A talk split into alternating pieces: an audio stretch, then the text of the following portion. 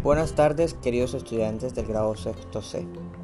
A continuación voy a compartir una información muy importante que deben tener en cuenta en el proceso que se llevará a cabo desde el ambiente cualificar matemáticas.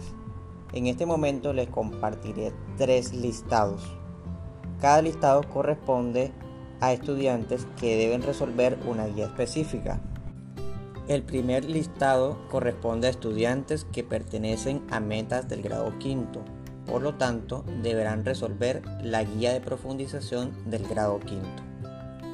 El segundo listado corresponde a estudiantes que deberán realizar la guía de profundización del grado cuarto junto con la guía del grado quinto. El último listado corresponde a estudiantes que comenzarán con la primera guía correspondiente al grado sexto. En este caso, corresponde a la meta número 19, guía 55.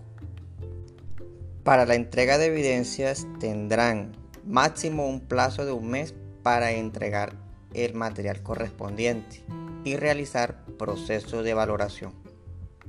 Cualquier duda e inquietud no olviden escribirme.